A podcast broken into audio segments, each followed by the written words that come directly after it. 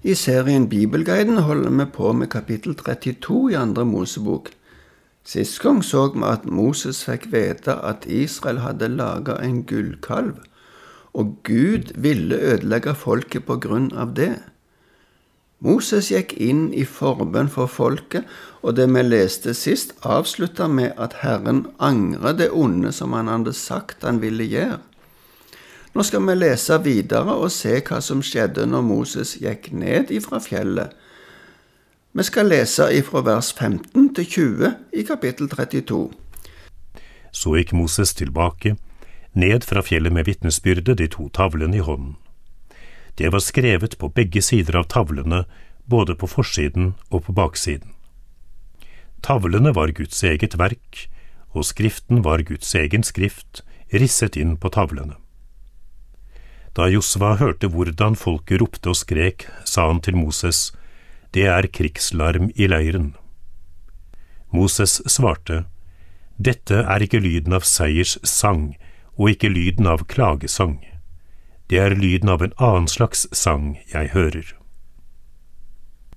Da Moses nærmet seg leiren og fikk se gullkalven og dansen, flammet sinnet slik opp i ham at han kastet tavlene fra seg og slo dem i stykker mot fjellet. Så tok han kalven som de hadde laget, kastet den på ilden og malte den til støv. Støvet strødde han på vannet, og han lot israelittene drikke det. Først ser vi at Moses hadde med seg de to tavlene, steintavlene som Gud hadde skrevet. De kalles vitnesbyrde. Det var det Gud hadde sagt om sin vilje. Her står det òg at det var skrevet på begge sidene av disse steintavlene, og at det var Gud sjøl som hadde skrevet det. Josva hadde nok òg vært på fjellet, men ikke helt oppe der som Moses var. Nå møttes de.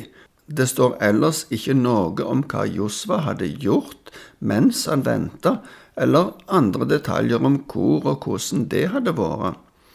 Det ser ut til at de gikk et stykke sammen før det kommenteres at Josva hørte lyden fra leiren.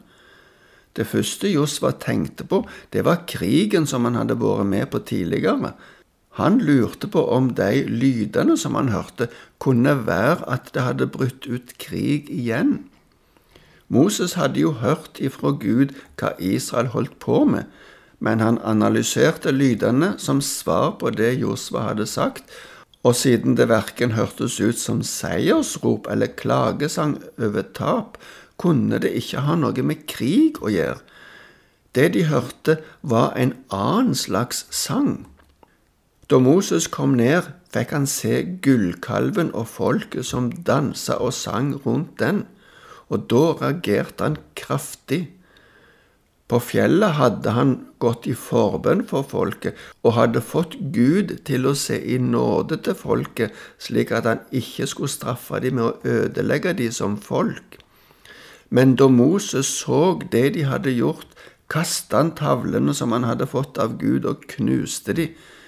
Kanskje han tenkte at Israel hadde brutt pakten, og derfor kunne ikke dette dokumentet, hvis vi kan kalle det slik, lenger brukes.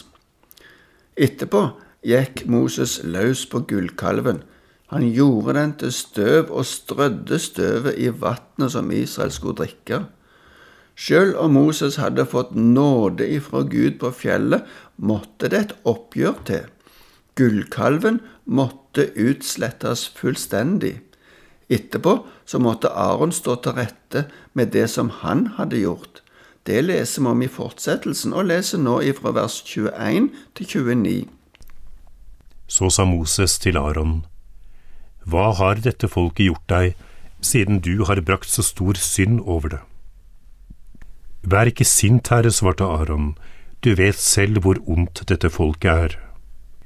De sa til meg, Lag en gud som kan gå foran oss, for vi vet ikke hva som har skjedd med denne Moses, mannen som førte oss opp fra Egypt.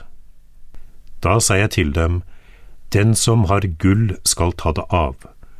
Så ga de meg gullet, og jeg kastet det på ilden. Slik ble denne kalven til.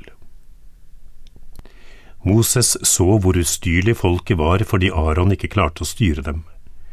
De var blitt til spott for motstanderne sine. Da stilte Moses seg i porten til leiren og ropte, Alle som er på Herrens side, kom hit til meg. Da samlet alle levitene seg om ham.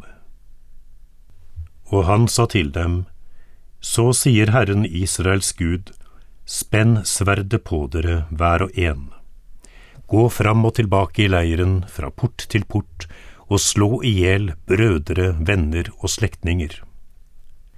Levitene gjorde som Moses sa, og den dagen falt det omkring 3000 mann av folket. Da sa Moses, I dag er dere blitt innviet til Herren, siden dere har vendt dere mot deres egne sønner og brødre. Så vil Han gi dere sin velsignelse i dag. Aron hadde blitt igjen i leiren for å fylle opp ledelsen på vegne av Moses. Han hadde vært med Moses og utført mye av det Moses hadde fått beskjed om, både i Egypt og sikkert òg fram til Sinai. Han hadde vært med Moses opp på fjellet da de fikk oppleve Guds nærhet, og var med på å inngå pakten mellom folket og Gud. Han spurte Aron hvordan en så stor vondskap kunne skje. Hadde folket gjort noe imot Aron for å få han til å være med på dette? Det ynkelige svaret ifra Aron kan minne litt om Adam sitt svar etter at han hadde synda i første Mosebok kapittel tre. Det var bare noe som skjedde, og han legger skylda på folket som han karakteriserer som ondt. Han burde ha lagt seg flat, som vi sier i vår tid, og innrømme at han hadde bedt de om å komme med gullet, og at han hadde fått lage kalven. Vi kan jo spørre oss sjøl hvordan vi svarer når vi blir avslørt for å ha gjort noe galt. Det er lett å skylde på andre eller på omstendighetene eller noe annet i stedet for å innrømme med en gang at vi har synda. Selv om Moses hadde kommet og han hadde ødelagt gullkalven, så var folket fremdeles ustyrlig, og Moses måtte ta grep, som vi sier, for å få folket til å stanse det som de holdt på med. Han ropte ut at de som var på Herrens side, måtte komme til han. De første som reagerte, var en del menn ifra Levi stamme. Dette var en handling som førte de nærmere inn i Herren sin tjeneste. Moses sendte levittene ut for å drepe folk. Kanskje det gikk mest utover de som ledet an i avgudsdyrkelsen, men det står ikke noen detaljer om hvem som blir drept, men bare om antallet.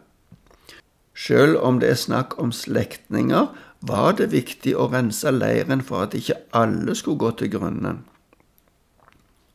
Moses sier etter at dette hadde skjedd, at på den måten hadde levittene innvia seg til Herren. Dette er ikke snakk om noen formell innvielse, den kommer seinere, men levittene har på denne måten vist at de vil stå på Herrens side og tjene Han.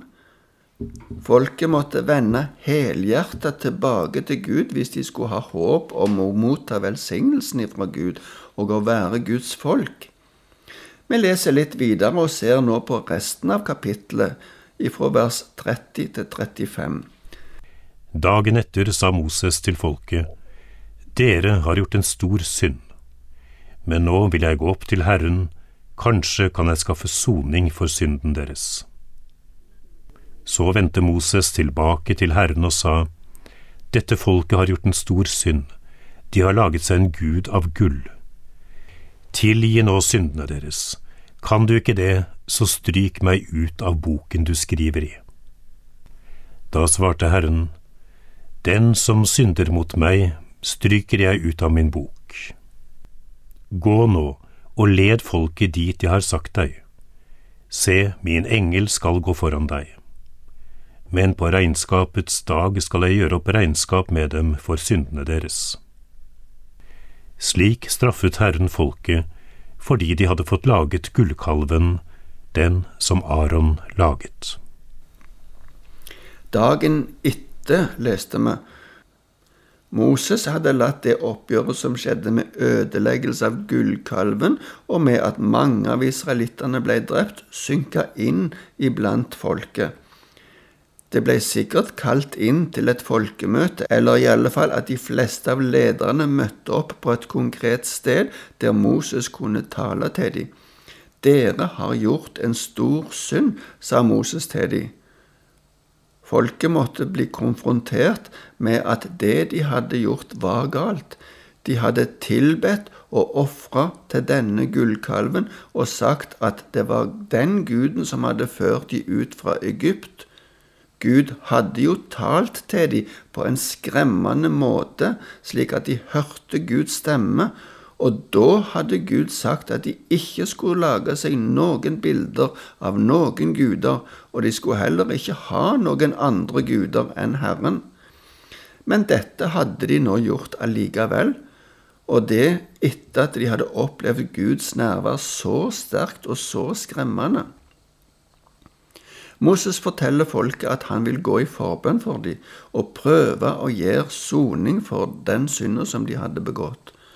Moses hadde jo allerede tigga Gud om nåde da han fremdeles var på fjellet, og hørte fra Gud om den synden som folket hadde gjort, men nå sier han til folket at han vil gå opp til Gud for å gå i forbønn for dem. Det er godt for oss å vite at vi òg har en talsmann hos Gud som ber for oss. Det er Jesus, og han ikke bare ber, men Johannes skriver i sitt første brev at Jesus er en soning for oss, og at hans blod renser fra all synd. Så gikk Moses opp igjen, og du hørte vel hvordan han ber om tilgivelse? Moses legger inn sitt eget liv som innsats. Om det så skulle koste han, Moses, livet eller adgangen til himmelen, så vil Moses at folket skal bli tilgitt. Jesus måtte dø for at vi skulle få del i det evige livet. Det var en høy pris. Moses var ikke mer enn et menneske, selv om han på mange måter var et forbilde på Jesus. Han måtte gå ned igjen, og hans liv ville ikke kunne gå inn som betaling for andre. Den som synder, skal dø. Det er den generelle regelen fremdeles, og det gjelder alle som ikke tar imot tilbudet ifra Jesus om frelse. Moses fikk beskjed om å lede folket dit han hadde sagt, og Gud lovte å sende sin engel med. Han sa òg at på regnskapets dag så måtte hver enkelt stå til ansvar for det de hadde gjort. Det kunne ha blitt sagt mye mer om disse tekstene, men vi stopper der. Takk for i dag.